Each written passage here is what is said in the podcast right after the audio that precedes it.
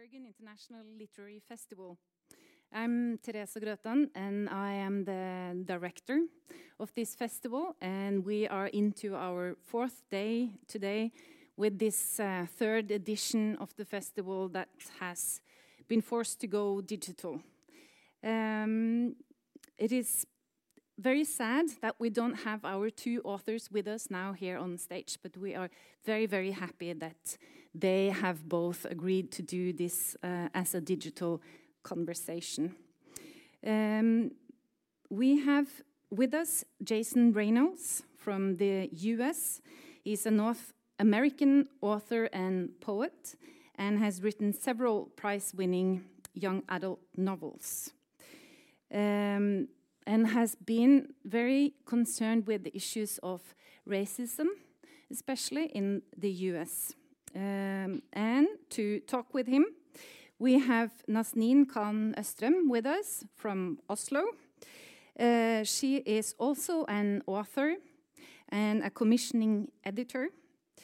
Uh, and she published uh, a very, she got really uh, great reviews for her last book, uh, which is called uh, London in Norwegian and which is due to come out in English in the title London, an Immigrant City, this spring. Um, has also been very engaged in, uh, in the issue, issues of racism, and she is also on the board of the Norwegian PEN. And the two of them are going to talk on the topic of literature and what role literature can play in the fight against racism, and if Black Lives Matter can change the US. Um, and then I would like to say a warm welcome to you both and give the word to you.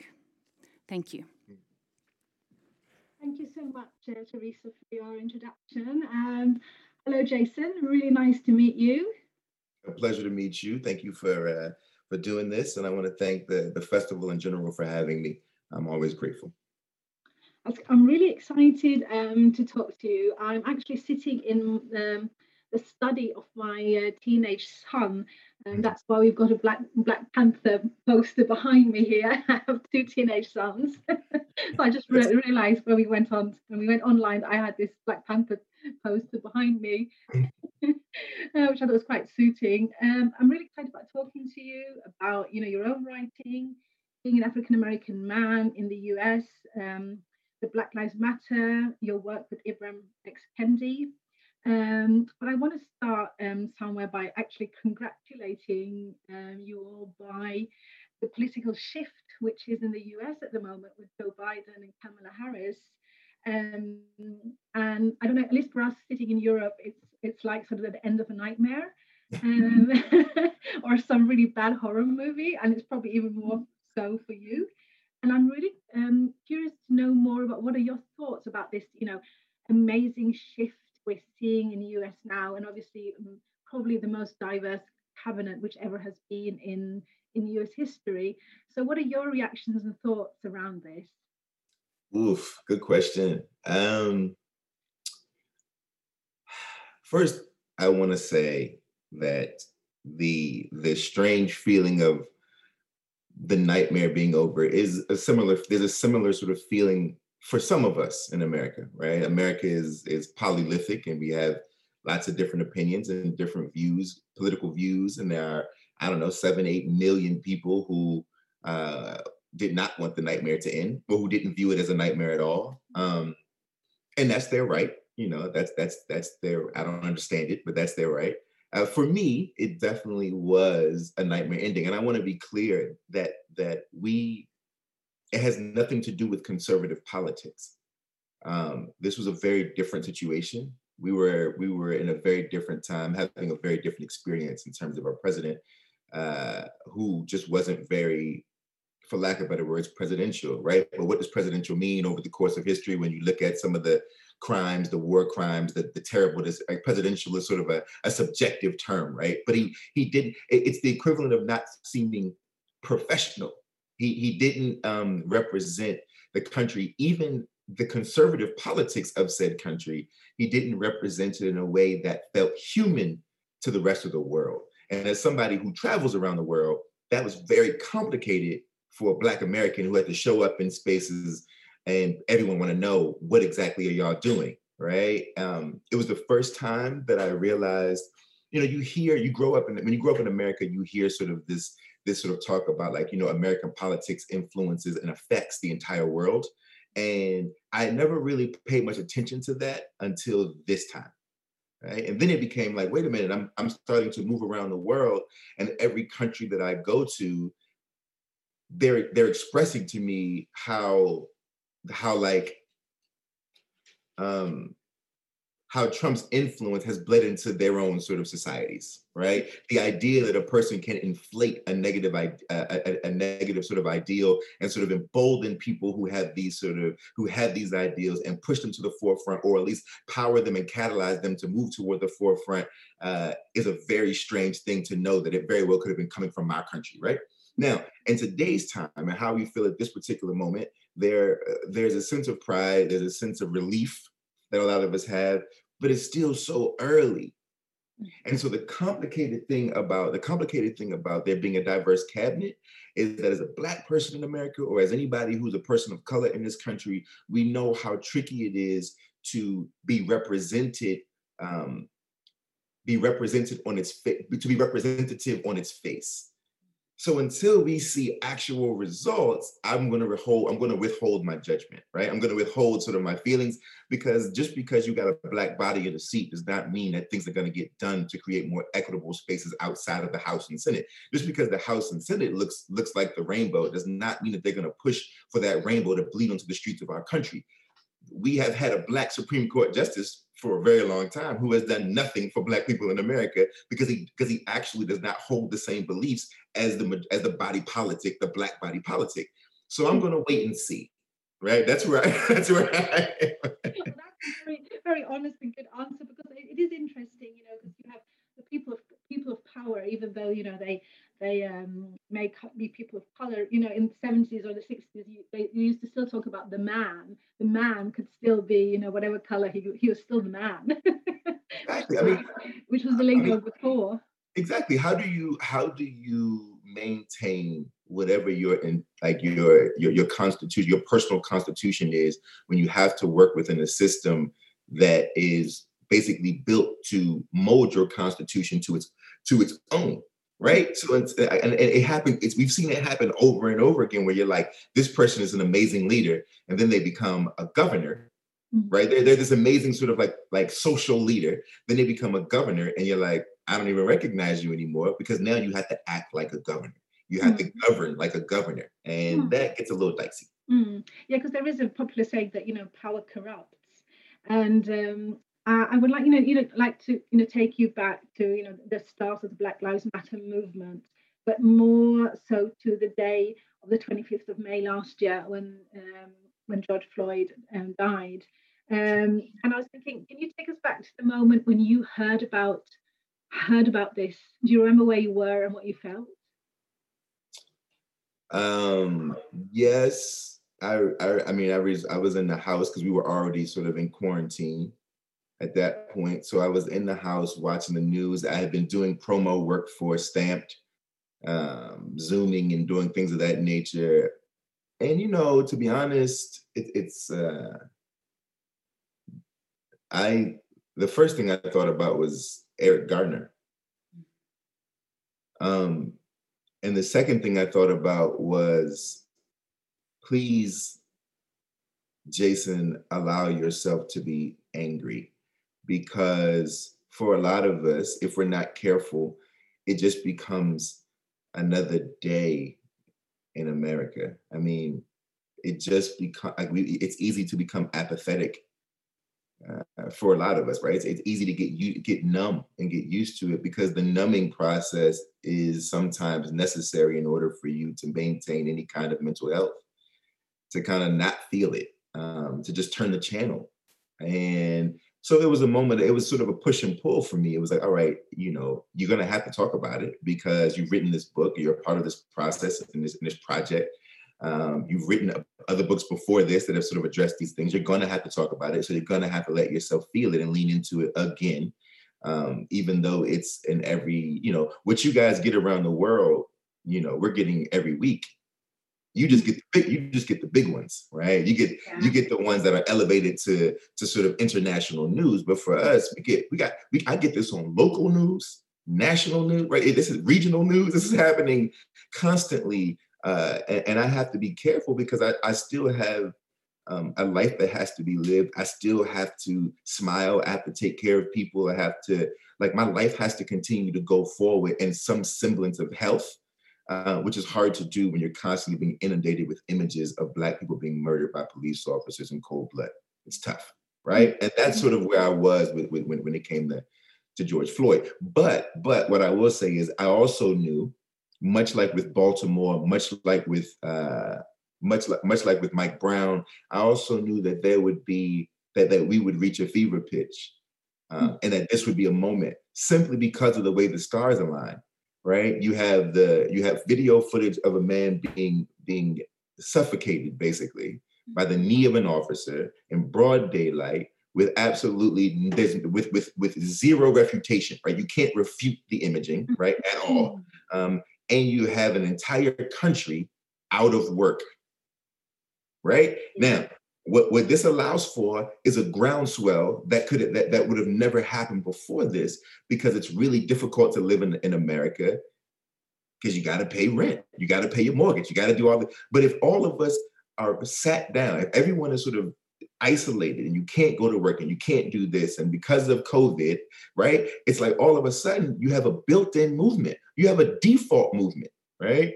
And so I knew, and this is the reason that Baltimore's uprising was so big, because in Baltimore, the poverty rate is so high that you have so many people out of work that they can protest. This is the reason why Michael Brown and Ferguson was so big, because the poverty rate is so high and the unemployment rate is so high that people are not working. So you have time to go out and pound the pavement because you have nothing to lose. In this moment, we had nothing to lose. The whole country had nothing to lose. Mm. And, and, that's the reason you everybody saw what they saw. Mm, mm, mm, exactly. But I was I, was thinking about um, the the Black Lives Matter movement really exploded internationally at that point with the George Floyd. It was, you know, you had demonstrations all over the world, mm. and it was and it was really interesting um, to see that, you know, it resonated um, with immigrant communities in Europe, where you have lots of young immigrant men who are at the grip of the police um, in, in, in London, where I partly come from, you know, you had young men who have been murdered by the police for a long time, and the British police, um, you know, being uh, renowned for its racism. And were you surprised at, you know, at the, the scope of the demonstrations, the way, you know, the way it just trailblazed internationally? Did that did that surprise you in any way? No, no. You know, it, for for the same reasons right? Like whenever something bad, like whenever we, I mean, with Michael Brown, we saw similar, we saw little sprinkles of it everywhere, right? Just little sprinkles, though. Uh, we saw that happen with, with the election of Barack Obama. We saw celebrations everywhere, mm-hmm. right? This time, this this this thing that sort of um, that sort of had America out of work had the whole world. Uh, the whole world was sitting at home, right? Everyone, this is this is our moment, right? It was it was it was a strange kismet and a painful kismet and a, and a traumatic kismet, but it was a strange kismet where suddenly there was because, because I know that that the, the, the black community in London has been feeling this for a very long time, right? My friends who are over there in, in Brixton and, and, and, like they've been feeling this, right? I've seen John Boyega speak about this before the George Floyd thing, right? The George Floyd moment, his murder. Um, I know that I have friends in in, in parts of India. I have friends in, in South Asia, uh, in, in Southeast Asia. I have friends in, in, in, of course, on the continent of Africa. Like we've been seeing it. We, we've been seeing it in these in these sort of fits and starts. And this was a moment where, like, hey, if there's ever a time for all of us to make our voices heard, if there's ever a time to lay it on the line, let's do it now. While we have I don't want to say we have the excuse, but we have the circumstance presents itself to us in a way at this particular moment where all of us can do this because all of us are out of we don't have any our responsibilities are on hold for a 2nd mm-hmm. right it's like this weird moment where it's like oh let's let's do it now and and and to be fair to all the human beings who laid their lives on the line and we have seen something that that is irrefutable It is ir- so if you there there is no sort of no no wishy washy. There is no like, but what did he do? But what did there's nothing you can say about a man lying on the ground with a knee on his neck, an unarmed man lying on the ground with his knee on his neck, saying that he can't breathe and calling out for his mother. There's nothing you. If this doesn't affect you, if it doesn't move you, then you then then, then the human part of you has been lost far before this. And I think that's what we got to see. Um, mm. The other thing, though, is that I think that Black folks around the world and Brown folks around the world have always acknowledged the diaspora. We know that we are all the same, even though we are different right? Like I, I when I look at John Boyega, I see a black man. I don't see a, I don't see an Afro Brit. I see a black man. Right? If he was walking down the street in Brooklyn, I would I could never know by looking at him that he was an Afro Brit. Right? Like, he's a he's a he's a black man. The, my, my, my, brothers in Bahia, Brazil are black people, and parts of Mexico are black people, and Puerto Rico are black people, and the Dominican are black people, and Haiti. Like I, black people are black people. Until I hear you speak, you you you and me are exactly the yeah, that's so true. You know, the thing I was thinking about about the George Floyd and the, and the situation in which it happened, I, I noticed that then. Um, your local paper, the Washington Post, just recently um, had a very interesting article about how following, you know, fatal killings in the U.S. from 2015 to 2021, and then and I think you know numbers sometimes can be so um, so clear to you know really you know show us the true picture. Because according to the Washington Post there's been like 5,000 fatal shootings in in the US and there were 990 fatal shootings just in 2020 alone in the US and in every single state literally in the US there's always been young black men in the ages of between 20 and 40 which are quite startling um, numbers I think um, so, in, you know, in addition to actual footage of George Floyd, you have these numbers that are really shocking. And I was wondering, as you, as a, you know, do you have personal experience from growing up in DC? Have you ever been subjected to like stop and search, harassment from the police? How how has this affected your life personally? Sure. I mean, I've, I've never been stopped and frisked in DC. I've been stopped and frisked in Brooklyn. I lived in Brooklyn for a long time. And I, I, dealt with that in Brooklyn, you know, which was always weird. In my own neighborhood, it was always sort of one of those moments where like, I write, I write, I'm like, a, I'm a nerd. Like, why are you, like, you're frisking me. I write books for a living. I'm not like, you know what I mean? But it doesn't matter, right? Because I look a certain way. Mm. Um, they felt the need to do so. And I've, and in DC, of course, I've had my run-ins with police officers um, several times. Uh, they've, fortunately for me, they've never gotten physically violent. Um, but though I have friends who have, you know, had their teeth kicked in and who have who have gone through all the things. For me, it was more of uh, this sort of emotional violence um, and and and the bullying that that that we experienced. Like I remember when I was a kid, a 16 year old, being pulled over uh, with my friends for running a yellow light, and you know we were taken out of the car, we were handcuffed and put on the ground while they tore the car apart for no reason. Mm. You know, and, and after they ripped the car apart, they uncuffed us and told us to clean up the mess and leave right? Like we, I had friends be falsely accused by cops in broad daylight just because they had to get they, they had to they had to pin it on somebody, right? And he was charged for he was arrested for armed robbery. He was just sitting outside on the steps with us. He was arrested for armed robbery and and and was facing 15 years in prison at, at eight, a week after his 18th birthday.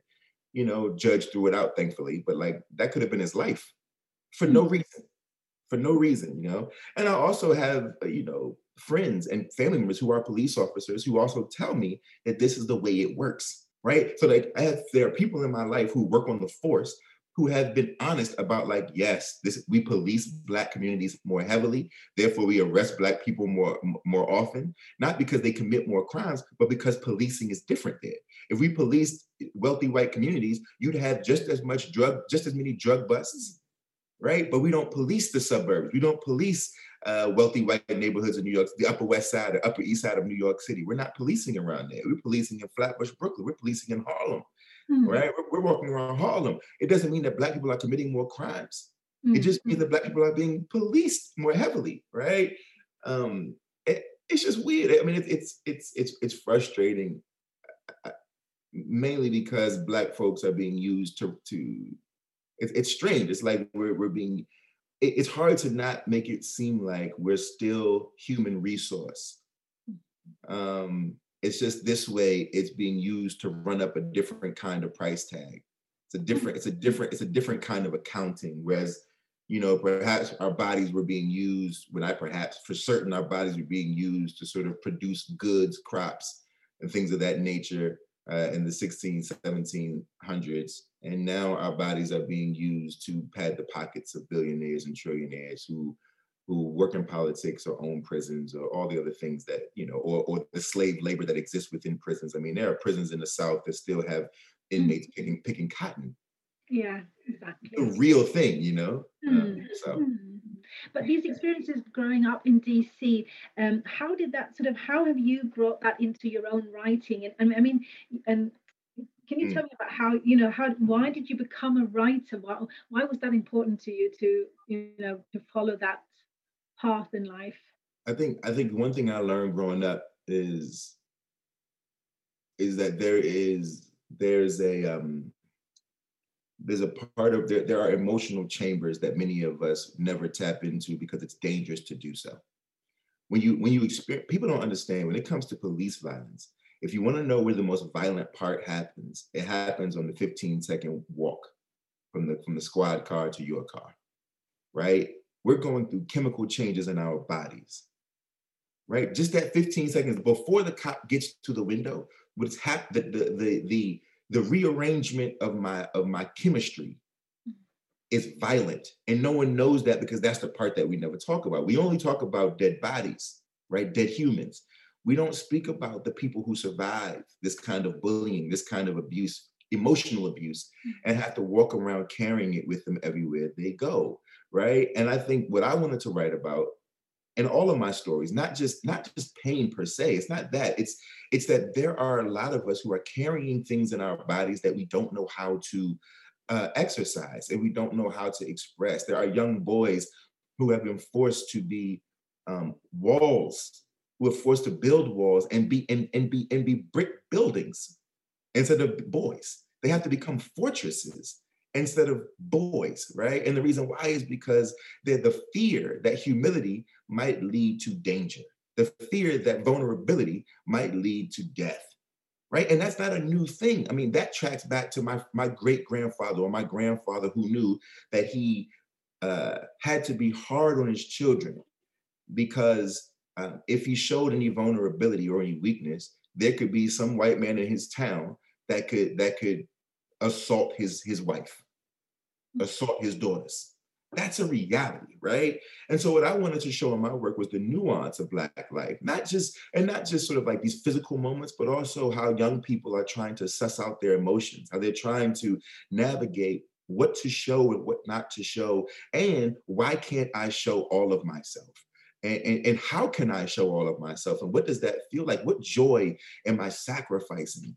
Right? And, and granted, and, and and and that being said, also showing and spotlighting all the joy that we still somehow uh, feel and take part in every single days of, of, of, our lives. The Black experience is still a beautiful one, um, a, a, magnificent one, one that feels um, singular, hmm. singular in so many ways, and I want to show that as well.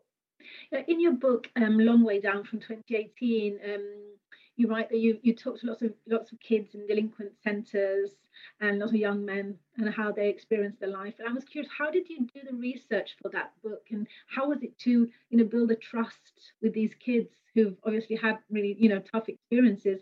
I mean, how willing were they to talk? Were they you know to talk to you about their experience? I mean that that research comes from my own personal experience, right? That's my life. That's that was something that I experienced uh, with my friend, mm-hmm. and after losing a friend or many friends, but a particular friend, and and feeling like the only the only thing that we could do in that moment with all the pain and anger that we felt was to figure out how to how to you know exact revenge. How do we sort of go and do the same thing? Because we knew the cops weren't going to find anybody; they weren't even going to try, mm-hmm. which they, which they mm-hmm. didn't, you know. Um, and those were the rules that we kind of grew up with in my community and in my neighborhood. Um, and so, because I know that story well, uh, when I go into juvenile detention centers and, and, and, and I'm sort of talking to young people who have had the similar experiences, the first thing they do is look at me and say, he knows exactly what he, he knows it, right? I can trust him because he knows it. I can trust him because not only did he write a, a, a boy dealing with this kind of pressure, he wrote a boy as a boy and not a killer. This kid mm-hmm. isn't a killer. None of them are. They're not killers, they're not gangsters, they're not monsters, they're children. And what we have done as adults is we failed them and then we blame them for, for what happens after we failed them. You know, it's like I blame, I'm gonna call you all kinds of names because I won't call myself as an adult a failure. When really it's me who's failed. It's me who shot the ball. Uh, and, and but I'm gonna blame you for it. I'm gonna blame you for never having what I never gave you. Mm. Mm. Right. And that's what that book is about, right? And I think when they when they read it, they see the vulnerability of this kid. They see that he's afraid that he's not he doesn't have all the bravado that they're always painted with he doesn't have all of the certainty of, of gangsterisms that they're always painted with no he's a scared little boy who's never even held a gun he don't know what he's doing but he feels the pressure not just the pressure of his family or the pressure of his community but the political pressures around him. What does it mean when you have lack of, of, of, resource? What does it mean when your community is a certain way, not because of the people who live there, but because unfortunately it isn't given the necessary resources it deserves, right? Why, why aren't my streets paved? Why, why don't my schools have books? Why aren't there decent grocery stores in my community, right? Like these are the questions that lead to this kid with his back against the wall. He wasn't born that way. And that's what the mm-hmm. book is about, you know? And have you gotten feedback from from you know the kids you're writing to? Have they read your book, and what kind of feedback do they give you when they've when they've read a book like Long Long Way Down? What do they tell you? That they feel seen, you know, um, mm-hmm. that they know that you know, I've had kids in, in, in juvies read the book and say, you know, this is what I keep trying to tell my my um my, my uh, the, the correctional officers and the teachers in this prison is that every decision I've ever made the bad decisions, I've always thought at the time were the right decisions, mm-hmm. right? Based based on the cards I've been dealt, the decisions that I made that landed me in here, I always thought were the right decisions. I wasn't trying to be bad. I was trying to make the best decision I could for to save my own life at any given circum at any given moment based on the context that I existed in, right? And I think there's something to be there's something to be learned from that, you know. Or I had a kid write me a letter who had committed a murder or who was or who at least was you know accused of murder. He can't say if he did it or not right of course. But he basically said listen i'm in jail. Uh, i'm going to go to trial for murder but i just want you to know that i read this book and i know that you understand why whatever happened happened. I know that you understand why i did whatever i had to do in this moment and that doesn't mean that what i did was right but it means that somebody else knows that it's complicated in ways that nobody wants to talk about. Mm, exactly. But I think it's very interesting because I find your book very, it sort of has a very universal um, feel to it because you know you have you have kids in you know in London as you were talking about you know you have series like Top Boy and you have oh. like Blue Story and as you mentioned even John Boyega you know coming from Peckham um, which is really close to Peckham which are two neighborhoods I know really well and you know suddenly you have all you know you have a surge of stories at the moment about you know young men, young um, black men and their experience. Uh, and it seems to be really important to tell these stories. And I was asking my, I was talking to my, you know, my six-year-old son. I was like, why do you, why do you love Top, Top Boy? Why do you, you know? And I gave him your book, Long Way Down. I said, you when you're going to read this, is this going to be like a Kendrick Lamar album or something like that? and he was like, because they're really into, you know, their rap and their hip hop. And and he was telling me, no, because it, it shows the different sides, the complexity uh, which we as young men, you know, live in. And he finds that very reassuring that are other people out there as a representation. But then I sort of, I was uh, something I want to, I want to be the devil's advocate now and just sort of, you know, test you a bit. Is there a point when a story becomes a cliche? You know, you know when I'm when I'm trying to get to is there is, is there is there enough um, you know is there a plethora of stories or are there only a few stories that you know young young men fit into? That's what I'm a bit curious about. Absolutely. I think I think that the job of the writer is to um, is to stretch, right? And so for me, right, at least for me, the job of the writer is to stretch. I do think that these stories can become cliche uh, or can lean into the cliche, uh, but I also think that um, there are so many different facets to each individual story that one could then like explore and explode. For instance, right? One could argue that slave narratives are cliche because they've been told for at this point well over a hundred years, right? The slave narrative is being told and told and told and told and told. But then Robert Jones comes out with The Prophets, which is a slave narrative about two gay slaves, because we never hear about gay love on the plantation, though we know it existed. Mm. Mm. So, so, so that subverts the cliche, even though the context is cliche, right? You can subvert the cliche by showing the multifaceted lives within that cliche box. So, like, yes, is Will's story a story we've heard before? The young man pressured to to to to to, to get revenge on the man that killed his brother. Of course, we've seen it in so many. This is Shakespearean, right? We've seen this over and over and over. Of course, of course, of course. But have we ever seen it told in a ghost tale? Have we ever seen it told with an open ending that you can have any theory you want and every single detail in the story supports that theory? Have we ever seen it told from like like eh, from from on an elevator, right? Have we so so for me it's about like how can I take this thing that we all know so well and bend it just a bit to give us new light, to have us have a conversation that we haven't quite had before, right? Like I could watch Boys in the Hood and see the same story, right?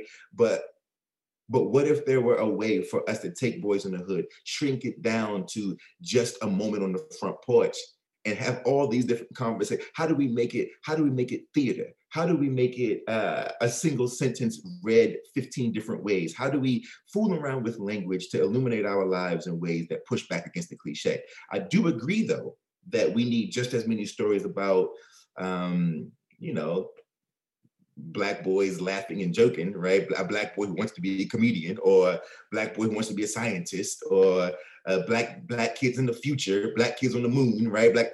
We need all of those stories, but I don't think we have to sacrifice one for the other. I don't mm-hmm. want to ever. I hear arguments all the time that people say we don't need any more slave stories, and to me, I, I believe given the, the, the number of slaves that existed in this country and the, and the many many states in which slavery existed and the many ways that slave masters or, or slave owners own their slaves i actually think we're just scratching the surface mm. i just think the writer has to work harder mm. to figure out where the nuance is and then really sort of unpack the nuance in a way that creates whole narratives that we haven't seen even within the framework of that cliche you know mm. Mm, absolutely. Uh, you know, I'm talking about, you know, a long way down, you've written it in, in, a, in verse, you know, being a poet, but I, I, I, do understand that you're heavily influenced by, you know, by rap and hip hop culture. And I was reading an interview with you where you were mentioning that Queen Latifah was one of your, you know, main idol And um, I was wondering, what is it about? You know, I'm a massive you know, I, am a bit older than you, so I remember Queen Latifah from when I was young, and you know, she was a huge inspiration for me. And um, and she's very different from a lot of the female rappers that are around these days, you know, like Cardi sure. B, you know, bless her. But you know, it's it's, uh, it's a different different world. And I'm mm-hmm. thinking, what is it about? What was it about Queen Latifah that sort of triggered your storytelling? I mean, I grew up around women. I grew up around women, and I grew up around tough women, uh, women who were strong enough to do everything because they usually had to do everything um, in one way, shape, or form. Uh, but also women who you always knew loved you. So even though they were tough, like my mom wasn't, when I was younger, she wasn't naturally affectionate, right? Because she, the way that she was raised was like, look, we got to get the things done, right? Affection was extracurricular we needed to get all the other things done. I needed to feed you. I got to go to work. I got to take care of your brother. I got all this other stuff that I have to do, and that I'm going to have to do for the most part on my own. Mm-hmm. Um, but you will always know that I love you, right? There will always be something to remind you. Don't don't ever don't ever doubt though that I'm I love you and I'm proud of you and all those other things. And that's how my, my sister was. That's how all the girls in my neighborhood were. That's how the, the my neighbor, like my neighbors, that their mothers were all that way. Like we, I just kind of grew up around that kind of woman. So Queen Latifah just reminded me so much of those kinds of the tomboys in my neighborhood who were these women who these girls who would were the ones who protected the boys. They they they were the, the scrapping in the street. They you knew you knew better than to cross them right and but but they also loved you and you knew they loved you and you knew that that it was always for your best if they had to tell you off they told you off because it was for your best it was for your, your own good and somebody had to do it and they were never afraid and you know you know it was just i don't know and so she reminded me of that and then the other thing is i just think that at the time in, in 88 89 90 91 she was just superior. I mean, quite frankly, she just was very good. She was good at what she was doing. She was one of the best rappers of her generation. And she was on the forefront of talking about what women could and will do and and and and how they will not be sort of under the thumb of anyone. She was uh, her own boss at a young age, writing checks to herself, had her own production company and, and record company, and she was on TV early and revolutionized that world. She was in magazines early, revolutionized that world. She had a talk show. She, I mean, Queen Latifah is basically, I always say she's basically like Oprah Jr., but doesn't get the credit that she deserves for for revolutionizing Black women in media mm. of that generation overall, overall, you know. And I think that's I'll always have a certain kind of respect and love for her because because of that, let alone because of her sort of prowess as an MC. You know, because I was I'm wondering, you know, the, the role of rap music in the US today. I remember, you know, Chuck D once said that, you know, rap music is the C, is the CNN of the ghetto. He used to say, um, is that something which is true today too? Would you say? No, no. Why, why not? Why not? rap, rap, back then, rap music was was was definitely the theater of the ghetto, voice of the ghetto, right? Like that sort of thing. Uh, it also was jazz, right? It was it's sort of American classical music. You know, one of the you know the only other American classical music, right? Like there's there's jazz and there's there's, there's hip hop. Those are the American classical musics, you know, to me. Uh, nowadays, because rap music became a global phenomenon, right? It, it is it is now popular culture. It is now youth culture around the world, right? Rap music is the culture of youth mm. world worldwide. Um, that nowadays it has become more uh, theater of the absurd. Um, could, you elaborate, it, could you elaborate on that when you say sure. that? Sure. It doesn't mean that there that there aren't still voices like Kendrick Lamar and voices like J. Cole and voices like I mean, there are tons of, of, of brilliant sort of speakers for marginalized communities, right? Like tons of them. Um, but over time, rap music became big business. And it has never, ever, ever been big business to be uplifting, right? It has never been like like that, that's the reason why junk food is a, is makes so much money. That's the reason why McDonald's makes them right. Anything that is quick and digestible uh, and that tastes good or or you know it's it's a different kind of thing vegetables are also delicious just take a little more work it just takes a little work to get there right? That's all. They, they taste fantastic but it's a, it's a different kind of palate that has to be developed in order for you to enjoy them raw. It's going to take some cooking for you to get there whereas fast food is just that. It's fast food. It tastes good out the bag. Nothing to it. You literally pop it in, you add, you, you, you literally turn on the oven, you turn it off, the fries come out of the fryer, it tastes good already. It's easy, right? And I think I think when hip hop became big business, when it became a global phenomenon, and, and people see saw how much money could be made, then I think it went the way that everything goes, right? It went the way, I mean, look, it happened with radio, it happened with television, it happened with fashion, it happened with all artisanship around the world. I mean, look, when the last, listen, hip hop is basically IKEA you know, and it doesn't mean that IKEA doesn't have a place, right? IKEA serves a, a, very important purpose for creating a convenient way to have decent looking furniture if you live in an apartment or if you don't have a lot of money. Hip hop basically became this it was like look there's a convenient way for us to do this and for it to be mass produced and that way it could exist in everybody's home in a particular way uh, and no one has to do the hard labor of carving a block of wood into a desk.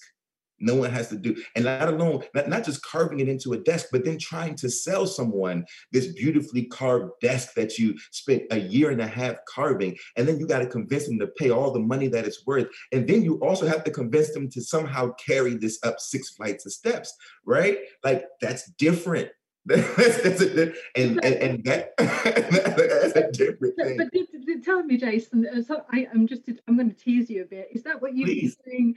Have you been doing that with stamps? Did you make an IKEA version of Stamped, the book um, you were you worked with with um, Ibram X Kendi? I think I, I think I think that um, there is a difference between uh,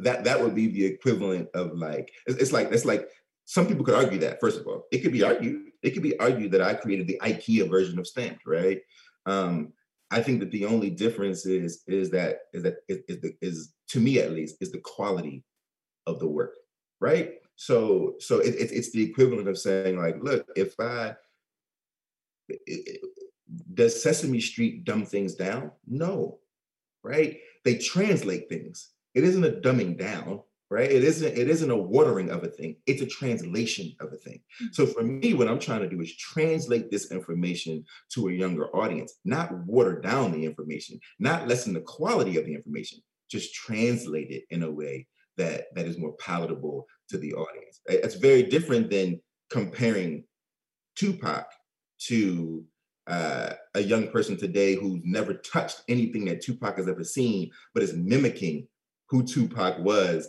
and is microwaving it because he knows that that image is what sells. Right. That's a that's a, that, that's basically making that's a watering down. What I'm saying is instead of me trying to figure out how to how to pander to young people through this text, I'm going to figure out how to talk to them straightforward as human beings, but mm-hmm. translate it in a way that they'll actually be able to receive it. That's all. But I mean, it was it is an immensely important book because you know you are able to um, you know communicate very easily how you know racism has been part and parcel of American history, and it and it is a very um, it is a, it is the way you know throughout the all the different people who whom you write about in the book. It's a very accessible. It's a very good way of you know even for a even for a grown up person just to learn about racism American history. It's been really interesting. And I just wanted to ask you, you know, you know, um, a, a, connection to this book. There is a huge debate, you know, lots of debates in the US. Um, I don't see we're running soon out of time, but I want to ask you this question. There's a huge debate about you know the monuments and the memorials that have been torn down in the US in connection with Black Lives Matter, and the fact that you are actually learning much more about um, African history in the US and slavery history. Um, what are your thoughts on on removal of you know statues and memorials? I look, you know, it's interesting because America has, man, we, we we love representation, right? That's like our thing. Everything is representative, and we like to create monuments and statues and so forth and so on. But the truth is, is that the one, the one, uh, to me, one of the most beautiful things about America is that it's young, and because America is young, we shouldn't be afraid to change. Mm. Right? It's not like it, we, we're not an ancient country. This isn't Rome. You know what I mean? And so I understand why in Rome you can't touch anything. You can't build, you can barely build in Italy. Most Italian architects have to do architecture in other places in, in America because it's hard because you can't build around the Colosseum. You can't you can't tear down the Colosseum. No matter how many people died in that Colosseum, you can't tear it down, right? Mm-hmm. And because of the ancient elements of Rome, right? We are brand new, which means that we get to be malleable. Mm. And, and if and if and if there are human beings, by the way, there are no Romans uh, left of the time of the of, of the Roman Empire. There are no, there may be sort of relatives all the way down the line, but we're so far, we're talking about a long, long time ago. My great grandfather was a slave. Mm. My mother couldn't ride the couldn't ride the bus. My mother couldn't ride the bus. My mother couldn't eat in restaurants. So to walk around uh, memorials that celebrate the slaughtering of Black people, that celebrate the, the enslavement of Black people, uh, it's an awful lot to ask, especially since Black people are still fighting for their lives every day. I could see if we were on the other side of the coin, right? I can see we've already gotten over the hump. We've only, I mean, we're talking about a few decades since we could vote. exactly.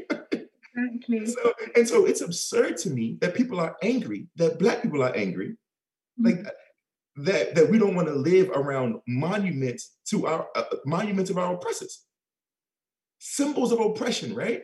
And it doesn't mean that I think that they should be crushed and and and no, they should live in museums right? They should live it. I think we should we should never do away with them. I don't want to rewrite history. I don't want people to pretend like it never happened. No, it happened. It's a real thing. It's still happening, right? I'm just saying that there are so many people we could actually be celebrating. The only reason that we celebrate these people is because these are the people that wrote the story.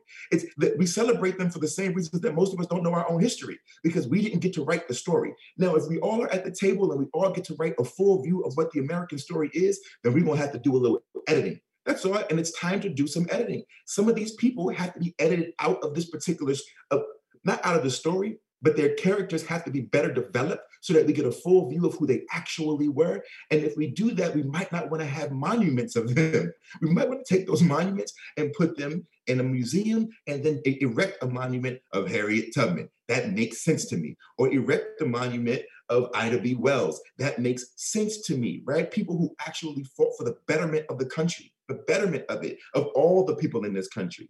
Martin Luther King just got a statue. And this man, arguably, was the greatest American to ever walk the earth, to ever live. He might have been the greatest American to ever live, and he just got a statue. Not because he didn't deserve one all those years ago, but because he doesn't get to write the story. That's all. That's all. So I'm, I'm okay with them taking the monuments down. I think there should be a, I think that the Smithsonian, I live in DC. I think the Smithsonian should open up a new museum called the Museum of the Monument and have all the monuments in the museum for all of us to go. And you want to see Robert E. Lee? Go to the museum and see Robert E. Lee. You want to see Jefferson Davis? Go to the museum and learn all about Jefferson Davis, right? But the museums that I walk past in my neighborhood don't need to be Jefferson Davis. He don't need to have a highway named after him or a school named after him. Because in Germany, there are no schools named after Adolf Hitler. Hmm, exactly. Hmm. But I'm thinking, you know, your your your your books and you know also stamped. I mean, obviously, it's um, you're sort of um, creating a new space for the kids who are growing up today to feel, you know, to be proud about themselves, of their history, their feelings, as as you were previously talking about, and also then also creating a situation where you know where these where the history and the monuments are contextualized in a totally new way uh, for the future um, so that their kids would, you know, grow up in a different America. And as you're saying, America is so young still.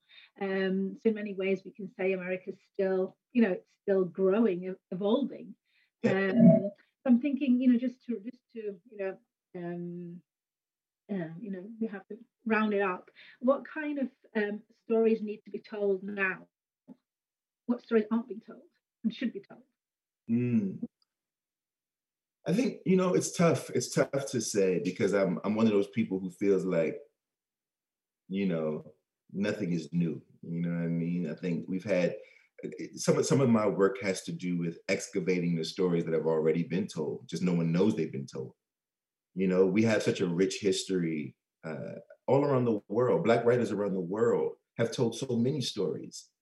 I mean, there are things that I've tried to do in my work that people think I'm the first to try until you go back and you read Jean Toomer and you read Cane, what he did in Cane, or you read some of the some of the creative things that Countee Cullen and Ralph Ellison did. You read some of the some of the amazing usages of language that Zora Neale Hurston did. You read some of like some of the punctuation choices of Toni Morrison.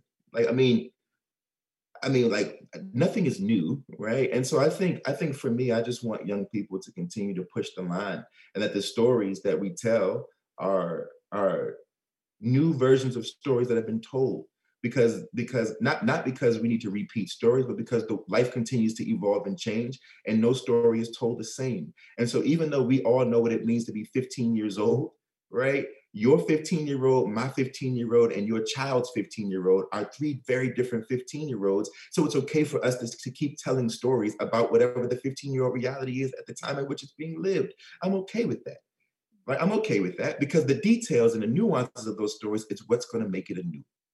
And the more and the more stories we tell, even if it's the more stories we tell about the same things, the, the, the more broader picture we get, even if it's a broad picture of that particular thing. Right. So, like if it's racism, tell all the stories about racism and sexism and classism so that we get a broad library of what the issue actually is, right? A broad brush. Tell all the stories of love, of all the different versions of love and how it plays out in our lives so that we get a big library of love stories that range from, you know, all the way back from, from Shakespeare to tomorrow, or even before Shakespeare, to the to the myths, all the way back to Greek myths, all the way back to African myths, you know, to the stories that come 20 years down the line. Imagine the future so that we can sort of take Star Trek and Star Wars or, or take Octavia Butler or take Tolkien or take right whatever or take Ray Bradbury and whatever's coming down the line and see okay this is all of this sort of literature about about future imagination future imagining right and what that looks like in all these different ways. Everything is let's let's just do everything. Just tell tell stories that are honest it doesn't have to mean they're true It just has to mean they're honest. And if we continue to do that, we're all good. okay. Thank you so much for that inspirational um, and um, Jason. It's been really interesting to talk to you. Uh, thank you so much for your time, and I'm really looking forward to following your your books in the future. And take care. My pleasure. Take care. Tell your kids I say hello. I will indeed. Thank you so much. Bye. No Peace.